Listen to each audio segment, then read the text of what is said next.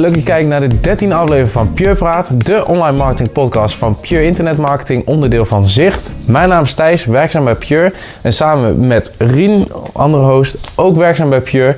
En ons midden hebben we weer een gast, Chris Kolen. Leuk dat je bent, uh, Chris. Um, als je een keer op LinkedIn zit en je, je ziet iets met geel voorbij komen en de kleurencombinatie wel bekend, zijn jouw posts. Je bent vrij actief op LinkedIn. Ja. Um, wil je jezelf heel veel voorstellen voor de mensen die jou niet kennen wat je doet? Ja. En uh, nou, dat. Uh, ja, ik ben Christ. Ik ben marketeer. En ik heb eigenlijk 15 jaar marketing in, in loondienst gedaan. Ik heb bij verschillende bureaus gewerkt, met name mediabureaus en ook aan, uh, aan klantkant. Een aantal jaren als marketingmanager bij een opleidingsbedrijf en vijf jaar bij uh, Zelfstroom, een bedrijf in zonnepanelen. En uh, toen op zeker moment dacht ik, misschien moet ik voor mezelf beginnen. En dat kwam eigenlijk met vanwege het feit dat als je ergens marketingmanager bent, iedereen heeft een mening over marketing. En uh, als je accountant bent, dan kan je gewoon zeggen: Ja, nee, ik heb de grootboeken helemaal omgegooid. En alles is, uh, gaat helemaal anders doen. Dan zegt iedereen: Nou, good for you. Succes. Ja. Maar als je ergens een tag-on verandert of een tweak doet aan een logo of een homepage anders inricht dan van de HR-afdeling tot operations tot klantenservice, iedereen staat eigenlijk op te zeiken. De CEO. Tot de CEO. En de CFO zeker niet te vergeten. en uh, uh, iedereen vanuit zijn of haar eigen perspectief. Maar ja, weet je, dat is soms wel een struggle. En toen dacht ik eigenlijk, nee, ja, ik zou het eigenlijk wel leuk vinden als ik nou eens gewoon met niks rekening hoef te houden. En uh, toen ben ik, ja, dat was eigenlijk een beetje mijn besluit om voor mezelf te beginnen. En ik geef dus nu trainingen op het gebied van marketing, met name copywriting. Dat is een beetje mijn achtergrond in een notendop. Wat leuk. We hebben uiteraard ook weer een stelling bedacht voor deze, deze aflevering. Ja. We willen op een brainstormen en die, die Rien die uh, lag nachtenlang wakker. Ja, ik heb er wel lang van wakker gelegen deze keer. Ik vond het, uh, nee, dat is overdreven. Ehm, zoals je weet, ik, ik, ik lees veel van jouw e-mail, ja. e-mails die jij stuurt. Ik mag geen nieuwsbrieven meer zeggen van onze vorige podcastgast. Dus ik moet er heel erg op letten om dat woord te vermijden. Ehm, en uh, daar... Uh, Hoe zat dat eigenlijk even dan? Waarom geen nieuwsbrief? Omdat het nou, hij, hij, achterhaalt. Ja, hij vond het ja. achterhaald omdat het nieuwsbrief een beetje het ouderwetse is. Eén keer in de maand iets sturen naar je klanten, naar alle klanten. Personaliseerd. Uh, dit was Martin van Kranenburg dan? Nee, nee, nee, nee, nee. Mark, uh, Mark Kruisman. Die kan je. Ik zal je een linkje sturen ja, van uh, ja, okay. de inhoudelijk leuke podcast. Uh, die, maar dus... maandelijkse e-mail? Ja, jouw maandelijkse e-mail. Ja, inderdaad. En ik zag er op een gegeven moment ging het over... en dat is ook best wel een poosje geleden. Ik denk misschien wel anderhalf jaar geleden ging het over marketingmodellen. Ja, en, ehm, ik weet het nog. Ja, en ik moet zeggen dat ik, dat ik het ook... De timing was briljant, want ik had het daarvoor met een klant erover gehad. En dus ik dacht, laten we de stelling erin gooien dat marketingmodellen achterhaald zijn. Ja. En jij had er een hele mooie. Ik ben heel erg benieuwd naar jou. Uh... Ja, ik weet nog de. De, de maandelijkse e-mail in kwestie. die had als, uh, die had als uh, titel Sales Funnel vraagteken kakkerlak. Klopt. En uh, mijn stelling was eigenlijk, uh, dat ging specifiek over het AIDA-model. Dat AIDA-model eigenlijk een beetje de kakkerlak is onder de marketingmodellen. Want elke keer als je denkt dat je hem dood hebt getrapt, komt hij toch weer terug. En dit ging in, in dit specifieke geval over dat AIDA is onder marketeers een veelgebruikt model van ja. attention, desire, interest. Mm -hmm. um, maar als je gaat kijken naar de historie van dat model dan kom je uit in ergens, ik weet het al niet meer precies, maar 1900. En dan blijkt het eigenlijk een modelletje te zijn wat bij deur-tot-deur verkoop werd gebruikt. Van, oh, je moet eerst mensen, uh, heel die riedel. Ja. Terwijl nu worden er soort van hele strategieën op gebaseerd. Want ja. Uh, nou, weet je, AIDA heeft iedereen zoiets, ja, ja, is achterhaald. Maar Google heeft natuurlijk heel lang uh, See, Think, Do. En er zijn natuurlijk tal van modellen. Telcel. Ja, noem het allemaal maar op. Maar allemaal gebaseerd op dat model. Zonder dat daar eigenlijk een soort fundamentele onderbouwing onder ligt. En toen dacht ik wel van, ja, als dat dit bij dit soort van oermodel al aan de hand is, wat, uh, wat de fuck zijn we dan eigenlijk aan het doen met andere modellen? Dus in die zin ben ik wel het ermee eens dat marketingmodellen achterhaald zijn. Nou, mooi, dan kunnen we stoppen. Maar tegelijkertijd, je kunt ook weer niet. Je hebt soms modellen nodig. En, en, en eh, eh, ik weet niet meer wie dat zei, maar die had de stelling. Uh, all models are wrong, but some are useful. Ja, dat vond ik mooi. Dus, dus ik, mijn, mijn stelling is eigenlijk dat ik denk: all models are wrong, but some are useful. Dus het is niet dat ze geen nut hebben, maar het klopt natuurlijk nooit helemaal. Nee, want hoe zou jij... eh, eh, ik kan wel vertellen hoe wij het bij klanten uitleggen, maar dat is minder interessant misschien. Hoe, hoe zou jij het eh, eh, dan... Hoe, hoe, want jij hebt als marketeer gewerkt en heb je misschien ook wel eh, je plannen of je kanalen inzet bepaald aan de hand van die modellen. Eh, geef eens een beetje een richting van hoe kan je ze wel gebruiken dan? Nou, kijk, ik denk uiteindelijk dat er in de kern nog steeds best iets in valt te zeggen voor dat je op een brede manier interesse moet wekken en dat je niet meteen naar conversie moet duwen en dat, dat, daar, dat daar een bepaalde gelaagdheid in zit. Alleen ik denk dat we dat in de praktijk vaak veel te eh, rechtlijnig volgen. Ehm, en ik was gisteren bij eh, eh, een event waar eh, Robert Cialdini eh, optrad. En eh, dat was in het pand van eh, AVAS. En toen raakte ik aan de praat met de CMO van AFAS, want zij hebben daar een prachtig theater in dat pand, et cetera. En toen, toen, zei, toen zei hij ook, ja, weet je, het is ook een fantastisch event voor ons, want onze klanten, die zitten eigenlijk weer bij jullie in het seminar en eh, et cetera. En ik dacht, ja, dat, de, eh, ik geloof daar wel in. Maar als je hier een business case van probeert te maken, dat je zegt, nou weet je wat, we bouwen een pand met een theater erin, kost 10 miljoen.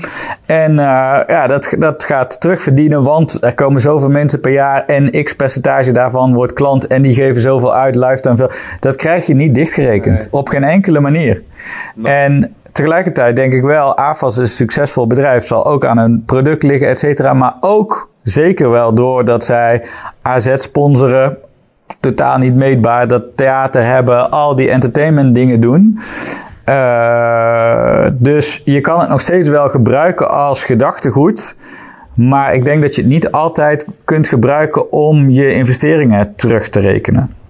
Dus dat is een beetje mijn visie daarop. Maar ik ben benieuwd, hoe, ja. hoe kijken jullie daarna dan? Of hoe, hoe praten jullie met klanten daarover? Ja, op zich wel mee eens. Op zekere hoogte, omdat je ook straks gaat naar een soort koekieloos tijdperk. Ja. En we nu al in de praktijk merken dat het soms, nou, Facebook, iOS, dat data mist, dat je toch een beetje weer teruggaat naar op gevoel.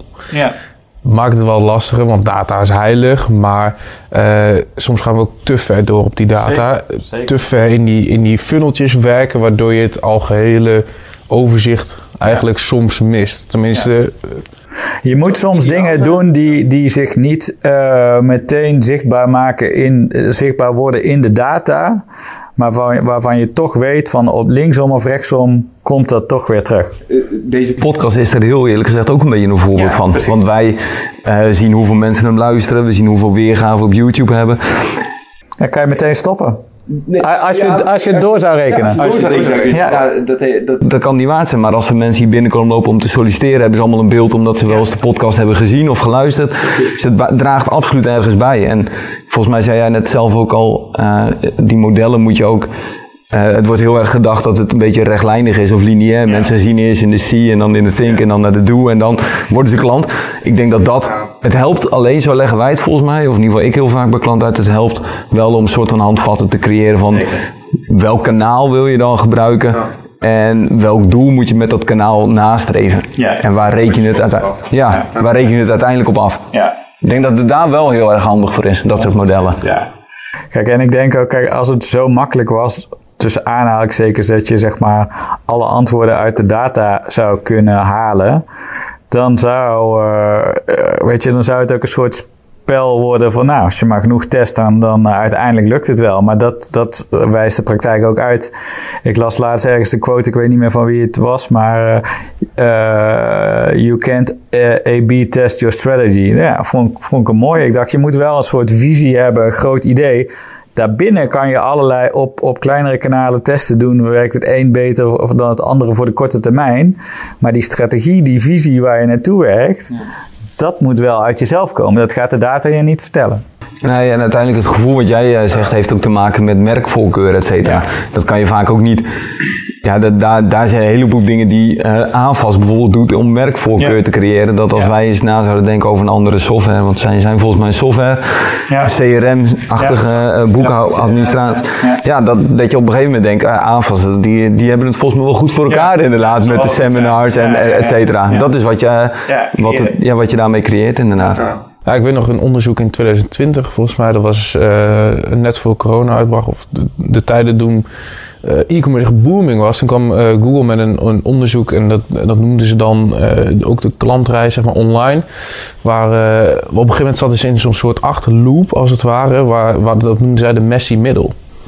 En dan, nou, dat was ook exact hetzelfde. Wat, ja, see en think. En dat vinden wij ook altijd lastig. Van wat is dan het verschil ertussen? En mensen gaan als het ware een soort van heen en weer. En messy middel is het ook gewoon. Je gaat je switch van apparaten. Je, je, je bekijkt offline, online. Nou, ja, je, je hebt zoveel klantmomenten, klantpunten eigenlijk. Waar het is onmogelijk om op alles te sturen en iemand echt een handje mee te nemen. Dat kan toch nooit? Dat is de messy middel waar eh, het eigenlijk gebeurt. Ja, zeker. Tot de aankoop. Ja. Dus, dus... Mijn nieuwsbrief, die, die eh Sales Funnel kakkerlak ding kwam een beetje voort uit...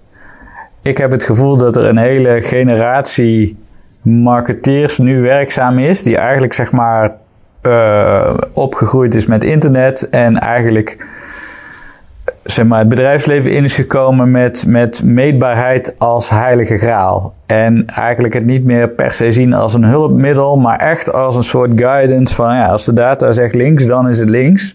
En eh, ja, weet je, dat, dat is gewoon te zwart-wit. En dan gaat een beetje het creatieve en het gevoel gaat eruit bedoel. Ja, Denk ik ook. Ja, en, en eh, weet je, die, die, eh, uiteindelijk zijn we allemaal ook emotionele wezens. Hè. Weet je, als je, als je aan mij vraagt eh, waarom heb je schoenen van Adidas of waarom heb je een telefoon van Apple, dan zal ik met dingen gaan komen als eh, ja, Apple eh, gebruiksvriendelijk of eh, weet ik wat. En uite- uiteindelijk zit er een emotionele reden achter dat Apple of linksom of rechtsom statusverhogend is. En ik kan niet zeggen dat ik er trots op ben dat ik daarom een Apple koop. En ik weet ook niet of die band zo rechtlijnig is. Maar ik weet wel, als het dan gaat over Messi middels, dat er, dat er bij mij in mijn hoofd ook een heel groot Messi middel in zit. dat ik achteraf rationeel probeer te verklaren waarom ik het een of het ander heb gedaan. Terwijl, ja, eh, zeg het maar. Wint het, hè? Ja, ja, zeker. Ja, dat is toch ook weer eh, wat we ook met Martin besproken hebben. Dat 99% van de keuze onbewust Ja, eh, gedaan wordt. Dus Ja. En, en gebruik je wel, want in jouw vorige werkzaamheden eh, als marketeer, maar ook eh, in jouw rol nu als spreker, juich jij het dan in die zin nog wel toe dat mensen, eh, want er zit ook weer het einde van het jaar, een beetje plannen maken. Eh, kijk je dan wel naar van, hey, het is handig dat je wel dat soort modellen eh, nog wel steeds blijft gebruiken om je plannen op te baseren? Of zeg je, eh, Nee, ja, ik denk het wel. Jawel, jawel, jawel. Ik denk ook dat je dat, dat niet... Daar ontkom je niet aan. Hè? Dus volgens mij is het, het grote voordeel van modellen... is dat het, het is een vereenvoudigde weergave van de werkelijkheid.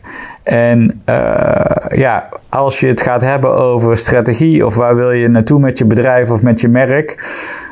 Ja, dan moet je daarover mee, moet je over nadenken. Dat moet je op papier krijgen, moet je mensen in meekrijgen. En, en dat is eigenlijk een heel complex verhaal met allerlei factoren. En dan helpt een model heel erg om, oké, maar wat, wat is de essentie? Welke knoppen hebben we eigenlijk om te draaien? En als we aan die knop draaien, welk gevolg heeft het dan voor daar? En, en blijven we dan op koers?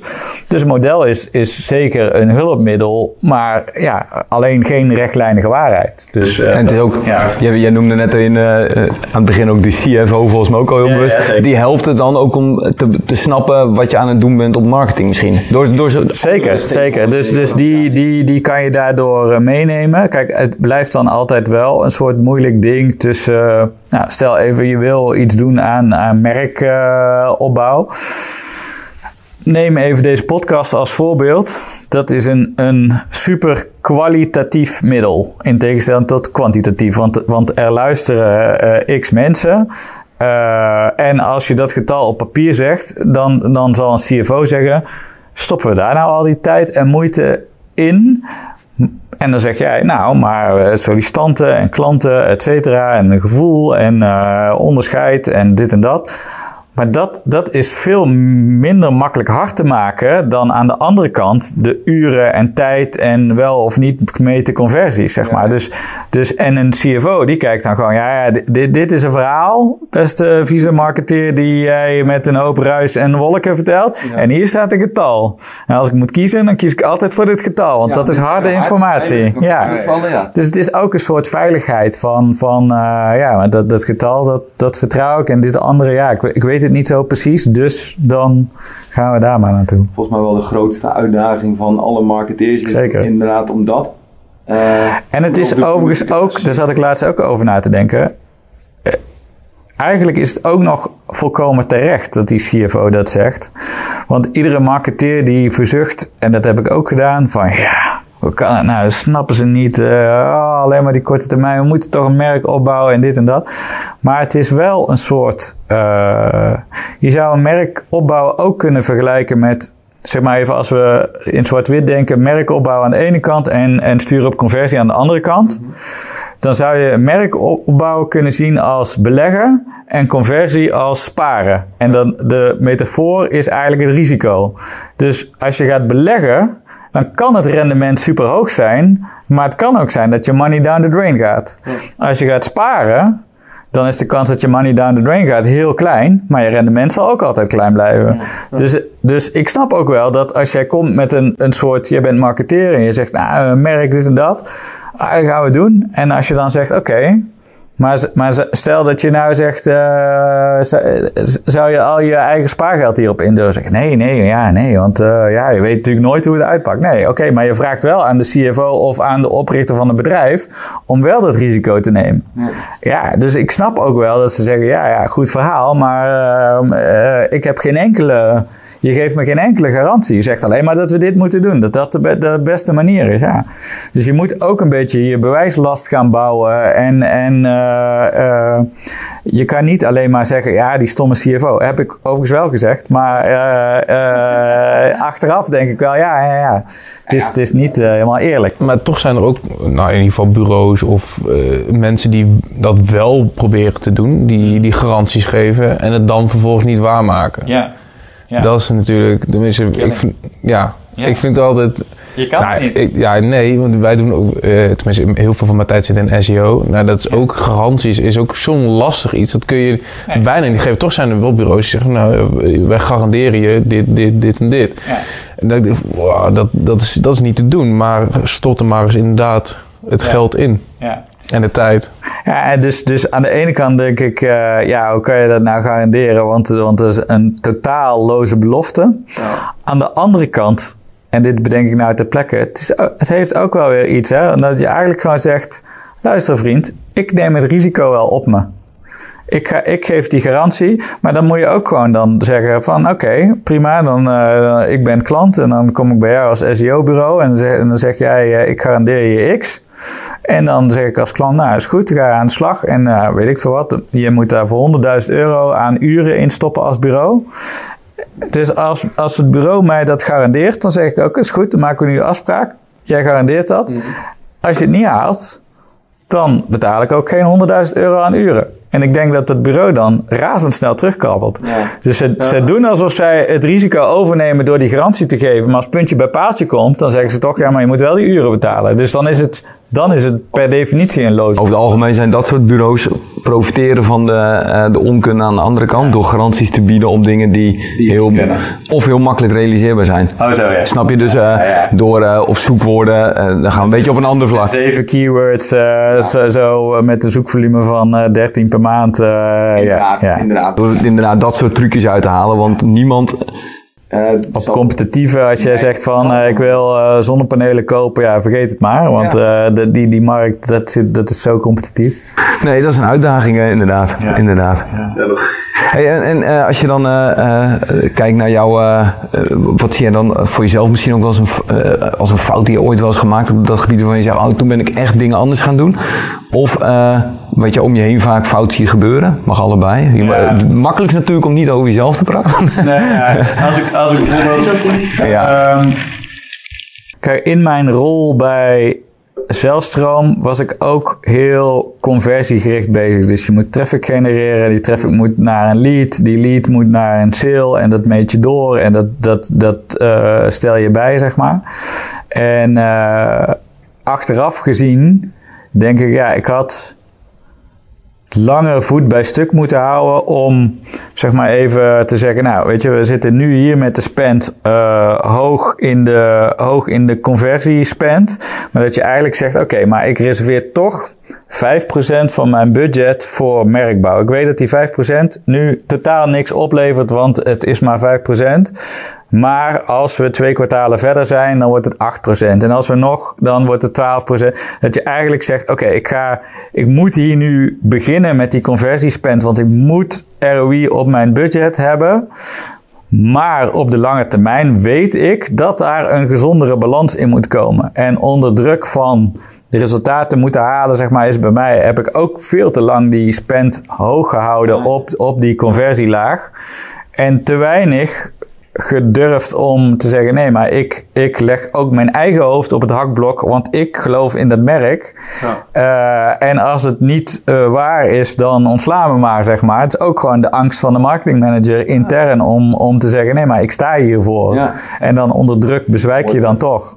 Ja, in die, ja, dan voelde het toch een beetje alsof je dat kleine beetje budget toch een beetje aan het verbranden bent. want je kan uh, ja, het veel beter gebruiken. Nee, je kan het veel beter gebruiken om, wat je weet, nou, dit is je ROAS, dit is conversie. Dus als ik dat kleine beetje gebruik, dat betekent dit aan resultaat.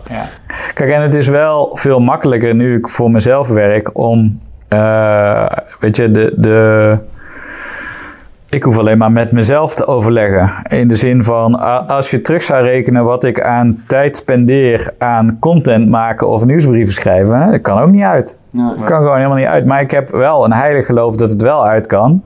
En, en ik zie dat ook terug soms, weet je wel. En nou had ik bijvoorbeeld vorige week weer iets gepost dat ik uh, een nieuwe training ging geven. Uh, en het ding zat binnen drie dagen heel erg vol. En ja, dat is, dat is eigenlijk gewoon een één op één koppeling met zeg maar al die uren content maken die zich, die zich dan uitbetaalt, zeg maar. Alleen als ik halverwege ergens verantwoording had moeten afleggen, dan had iemand gezegd, ja, je bent hartstikke gek. Ja. En, ja, uh, ja. Want in je, ik, ik volg jou nu iets van anderhalf jaar, denk ik, of zo. Want die, die, waar we het over hadden, die sales funnel kakkelak was volgens mij een van de eerste nieuwsbrieven die ik kreeg. Want kan, uh, daarvoor heb je... Ja, we zijn nieuwsbrief e-mail. e-mail die je kreeg. Ja. Uh, uh, maar aan het begin had jij volgens mij ook nog niet echt een uh, call to action naar echt een fysiek pro of naar een product of nee, dienst, nee, toch? Nee. nee. Nee, helemaal niet. Nee, dus ik ben dit eigenlijk begonnen als een soort side project van oké, okay, ik wil iets uh, waar ik alleen iets over te zeggen heb, zeg maar. En ik had wel in de gaten, oh, ik, ik krijg hier tractie op. Mensen vinden dit, deze content interessant. En, en toen dacht ik wel op een gegeven moment, wacht even, weet je wat? Eh, dan ga ik van content maken naar een nieuwsbrief. En toen ik op een gegeven moment daar.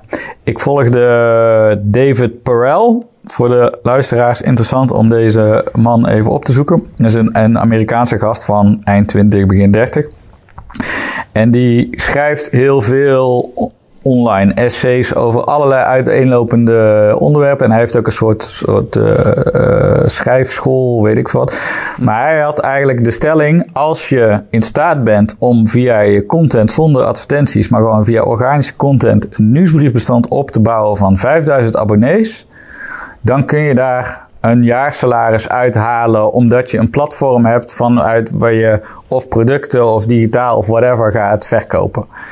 En uh, op een of andere manier, hij had dit zelf ook gedaan. Dus hij ook een nieuwsbrief. En toen dacht ik, oké, oké, ik zie hier een, een voorbeeld. En ik dacht, volgens mij zit daar wel iets. Dus toen had ik eigenlijk als eerste doel, ik ga 5000 abonnees halen. En toen had ik bij wijze van test bij 4000 of zo een keer een trainingje aangekondigd. En toen, toen, had ik, toen had ik nog geen website. Toen had ik een pdfje op Google Docs gezet en mijn Gmail-adres. En toen had ik een dag later 14.000 euro omzet op dat Gmail-adres. En toen dacht ik, hé, hey, hier zit iets. Ja, ja. En, en zo ben ik eigenlijk doorgegaan. Dus je moet ook, als we even weer terugpakken op het merkbouwen, uh, risico, et cetera dus je neemt risico door iets te gaan opbouwen, maar af en toe moet je dus een soort Monetize. ja, of een prikstok erin stoppen van oké, ik, ik heb het idee dat ik hier iets aan het bouwen ben, maar het is totaal niet tastbaar. Nu stop ik een prikstok erin door te zeggen oké, nu doe ik een commercieel aanbod. Komt daar dan, komt er dan financieel eurogeld naar mij toe waaien? En, en, en dan, weet je, dan kan je dus ook zeggen, oké, weet je, ik heb hier een testje gedaan, paf, oké. Nou, en toen heb ik een, een, een half jaar later dat ik dacht, nou, weet je wat, nou ben ik wel comfortabel genoeg. Als ik nou mijn baan opzeg, dan, dan komt hier wel een inkomen uit, zeg maar. Dus dat is ook weer, als je dus bezig bent met de merkopbouw of je hebt intern strijd over weet ik wat. Soms is het dus ook gewoon kleinschalig. En, en dan iets opbouwen, proberen. En dan heb je dus weer een soort klein bewijsmodelletje. Je zegt, kijk, hier heb ik dit gedaan. Oké, nou ga ik weer. Nou wordt de podcast met video. Nou gaan we ook af en toe een internationale gast. Oh, dan gaan we eh, een, nog een, een boekenpodcast ernaast zetten. Want ik heb bewezen dat er klanten uitkomen, et cetera. Dus ik denk dat dat ook voor luisteraars interessant is. Om op die manier te kijken van, van kan ik met kleine succesjes iets gaan opbouwen. Maar dit is toch ook exact wat influencers doen, op YouTubers doen, eh, mensen Ja. op Instagram doen. Dus Dan bouw je ook een x aantal volgers op en dan beginnen ze ook met een, of een deal met een, Ja. met een merk of Ja. iets Ja. en dan werkt het ook. En dan, eh, ik bedoel, als je een achterban hebt, ja, fan. Nou ja, ik vind het woord influencer, eh, heb ik zelf wat een beetje een nare smaak. Maar in principe ben je dat natuurlijk ook inderdaad dan. Maar ik vind het zelf nooit zo'n hele fijne, fijne term, dat is het vooral. nee, nee. Ik vind het altijd een beetje een negatieve klank heeft dat of zo. Tegenwoordig noemen de mensen die influencer zijn, die noemen zichzelf creator. Dat is inmiddels ook weer net zo jeukerig geworden, maar dat, en dan zal er daarna wel weer een nieuwe term komen. Maar eh, ja, ja, ach ja. Nee, maar het is, in feite is het hetzelfde. Ik bedoel, je Ja. bouwt ook een soort van fanbase op Ja. en dan Ja. stuur je die ook ergens naartoe. Ja. Eh, Wat wel grappig is, is zeg maar dat je dus dat model zie je werken. Hè? Eh, of je nou een bikini meisje bent op Instagram of, of een, een gamende YouTuber. Daar zie je dus, dat bouwt een audience op en dat is op een manier te monetizen, zeg maar. Maar het gekke is dat, dat je dat in een soort van bedrijfsvorm, zie je dat eigenlijk nooit. Dus, dus waarvan zou, zou je nou een merk kunnen noemen waarvan je denkt: oh ja, dit, dit is een bedrijf, dit is niet een persoon.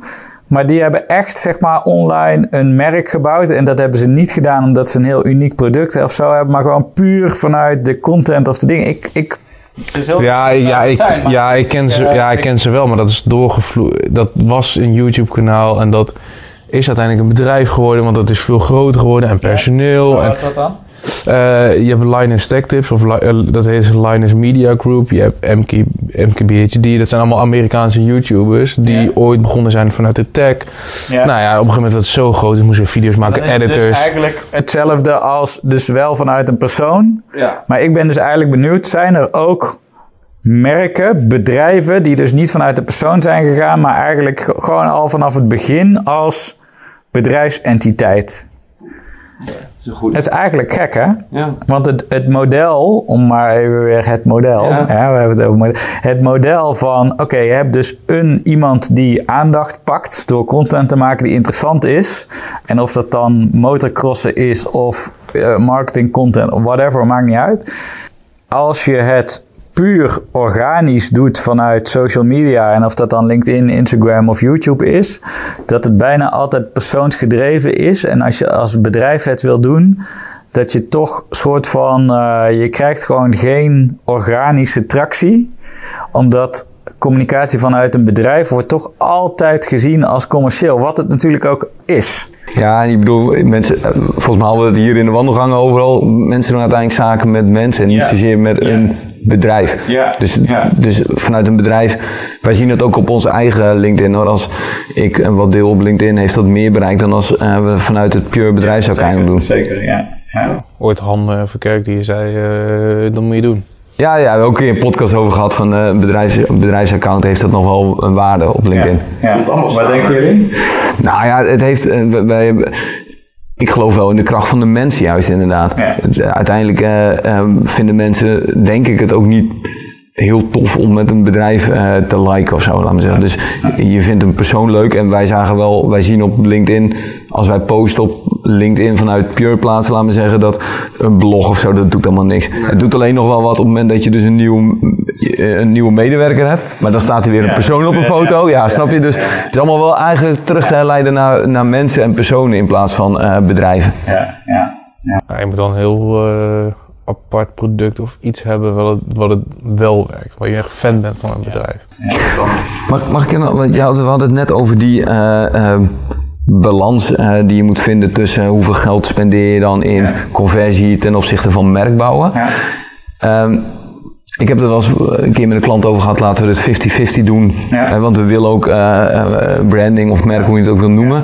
is dat voor, voor jou ook een beetje een soort van Probeer, probeer je daar ook op, uh, op te sturen of is dat uh, niet voor iedereen haalbaar? Of?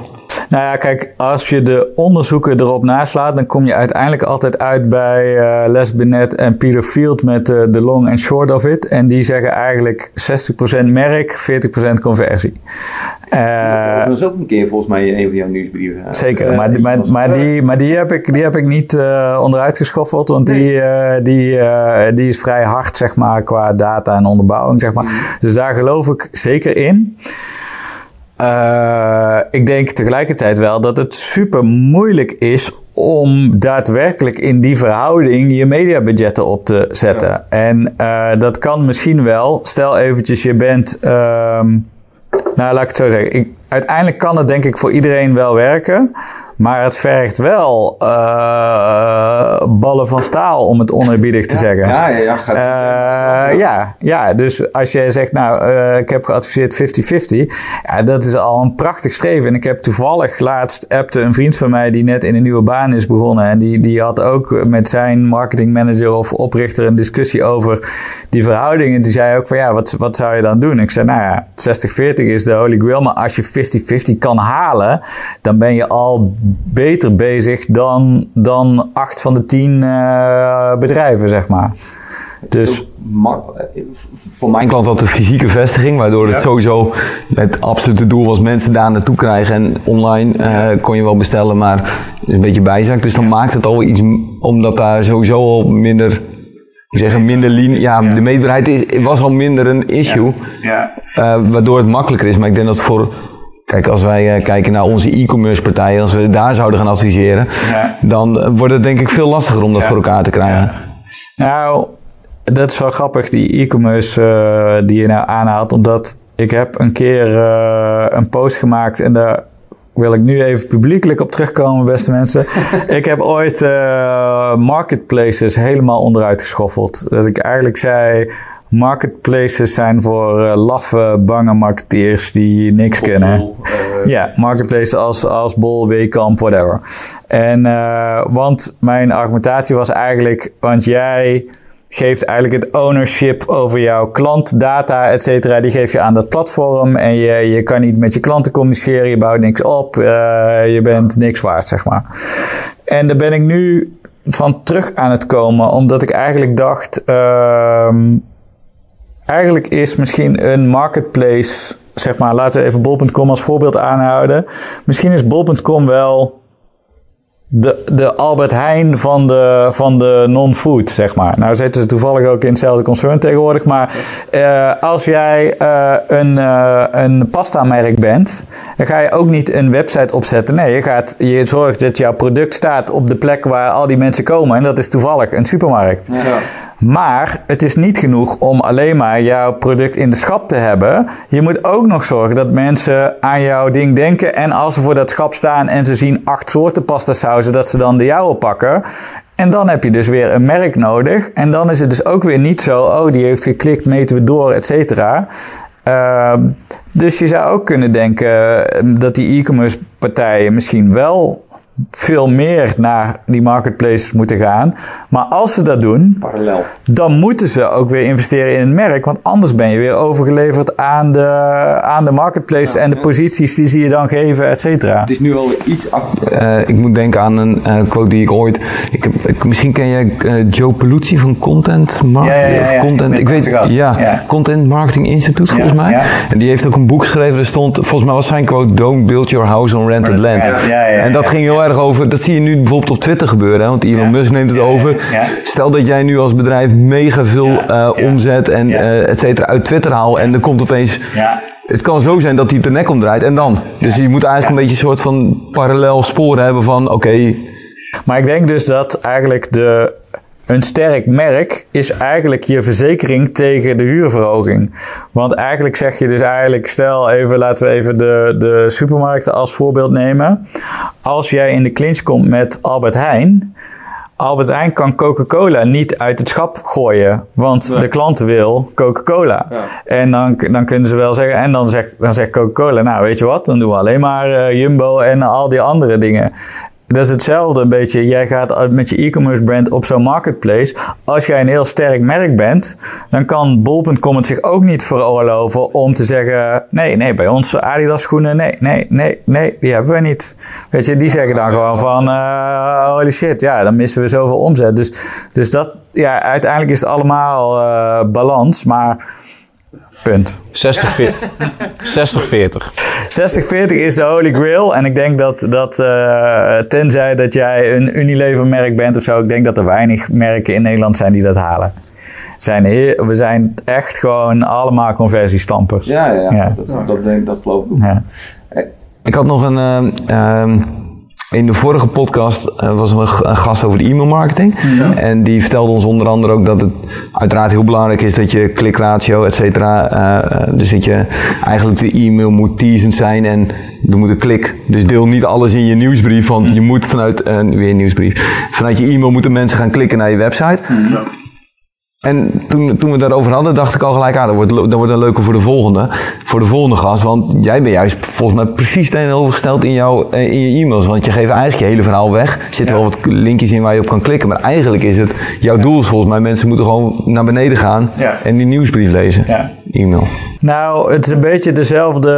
de- Dus je kunt er op twee manieren naar kijken, denk ik. Dus volgens mij is de, deze eerste visie is eigenlijk meer ingegeven vanuit een soort technisch perspectief. Dat als een e-mail wordt geopend en iemand klikt op een link, dat dat een soort signaaltje is naar de ISP van, oh, deze content is blijkbaar wel waardevol. Oh, dan gaan we wat minder vaak in de spambox afleveren, zeg maar. Ja. Gedachtegang kan er ook nog achter zitten dat als je mensen hebt op je website, dat ze dan ook nog over je diensten kunnen lezen en op die plek kunnen converteren. Ja. Dat is één deel van het verhaal. En waarom ik dat niet doe, is dat ik eigenlijk zeg: eh, mensen zitten in hun inbox. Ik wil ze daar eigenlijk alle waarde geven.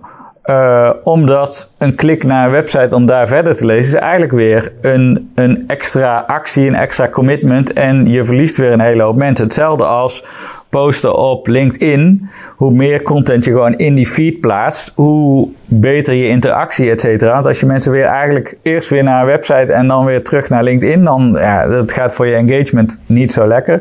Dus daarom doe ik eigenlijk gewoon, ik zorg dat ik al mijn waarden in de nieuwsbrief zelf doe. En ja, dan heb ik dus niet die signalen naar die ISP. Maar ik hoop wel dat.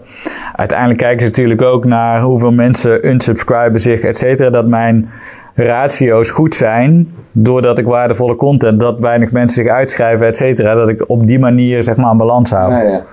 Dus dat is een beetje mijn, eh, mijn, eh, mijn overweging daarin. Ja. Ik heb, ik heb jouw eh, e-mails Ja. nog nooit in de spam gehad. Dus nou, ik, ik...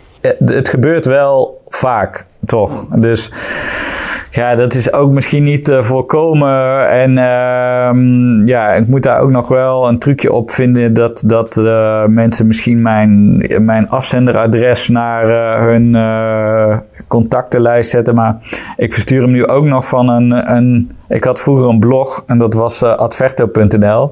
Ja. En mijn nieuwsbrief wordt nog altijd verstuurd vanuit christ.adverto.nl. Maar ik durf dat e-mailadres niet te wijzigen, omdat ik ook weet dat die, die ISP's die kijken ook naar die spam dingen. En dat ik denk, ja, en dan ga ik dadelijk vanaf een nieuw e-mailadres in één keer 23.000 mails sturen. Ja, dan zeggen zij van, uh, ja, wat de fuck is deze gozer? Terwijl daar zit niet een soort natuurlijk opbouwprofiel in. Dus ik, ja, ik ben er ook een beetje voorzichtig in eigenlijk. Ja, snap ik. Ja. Snap ik. Ja. Hey, Sluiten toch? ja, ik had. eh, eh, ik- wij, pro- wij proberen een beetje een format te maken van deze, van deze podcast. Maar het gaat, dat lukt niet altijd. Want we hebben volgens mij al een half jaar geleden tegen elkaar gezegd: van laten we elke podcast afsluiten met, met dezelfde vraag. Dat is niet gelukt. Ehm, welke, ehm, je- nou, je, hebt ons een beetje leren kennen nu in het bedrijf. Welke gast zou jij eh, eh, zeggen van, nou, daar moet je echt, die moet je eens een keer moeite voor gaan doen om hier te laten zitten? Want die heeft een mooi verhaal wat aansluit op de interesses die wij hebben en de achterban. Nou ja, ik denk ook, zeg maar, wij begonnen het gesprek met modellen en ook conversie versus merk en dat soort dingen. En ik denk dat een, eh, een hele interessante gast zou kunnen zijn Ingmar de Lange. Hij is een, een merkstrateeg, maar hij heeft eigenlijk een sterke voorliefde voor online. De meeste merkstrategen, even onerbiedig gezegd, die zitten bij dikke Amsterdamse reclamebureaus en die willen alleen maar tv-commercials maken. En, en Ingmar heeft nou net een boek geschreven en dat heet Sterk Digitaal Merk. En dat gaat eigenlijk juist over hoe bouw je nou in het digitale tijdperk met digitale middelen toch een sterk merk op. Ja. Dus op alle vragen waar wij nu het antwoord niet eh, op hebben gevonden, zou hij eigenlijk eh, een stapje verder eh, Dat kunnen. vind ik wel interessant. want Daar ging het, daar- Ja. We kwamen gaandeweg al een beetje in het gesprek daarop. Maar inderdaad, dat, eh, dat is een goed. Ik ga zijn boek eens... eh, Ingmar de Lange. Ingmar de Lange. Ingmar, succes. Ja, Dankjewel. Dat gaan we doen. Oké. Ja. Nee, eh superleuk gesprek gehad. Eh, hartstikke bedankt voor alle waardevolle inzicht. Oh, Ik ga nog een eh ongevraagde reclame erin gooien. Beste luisteraar, als je nog niet bent geabonneerd op de leukste nieuwsbrief over marketingpsychologie, dan moet je even gaan naar christkolen.nl of naar mijn LinkedIn profiel en dan vind je daar een linkje en invoerveld. Dan doe je zo je e-mailadres erin, klik, dan komt hij niet in de spamfilter en dan krijg je gewoon iedere maand iets leuks in je mailbox. Oké, dankjewel. Ja, nee, maar- Dit knippen er wel uit. Dit knippen er wel uit. Dat is, onze editor is zo... eh, nee, komt goed. nee, nee, maar eh, zeker waard om, om het te lezen. En eh, het zijn altijd superleuke verhalen, makkelijk te lezen. Je hebt zelf al in jouw abonne- bestand gezien hoe vaak ik hem al... Hoeveel, hoeveel Ja, collega's ja, ik ja, al heb ja, gezegd. Ja, ik ben door jou ook ingeschreven. Ik ben geïnfluenced. Dus eh, hier, lekker bezig. Cool, dankjewel. Doe dat. En eh, eh, bedankt voor het kijken allemaal, of luisteren. En eh, tot de volgende weer. 14e aflevering. Doeg. Ja.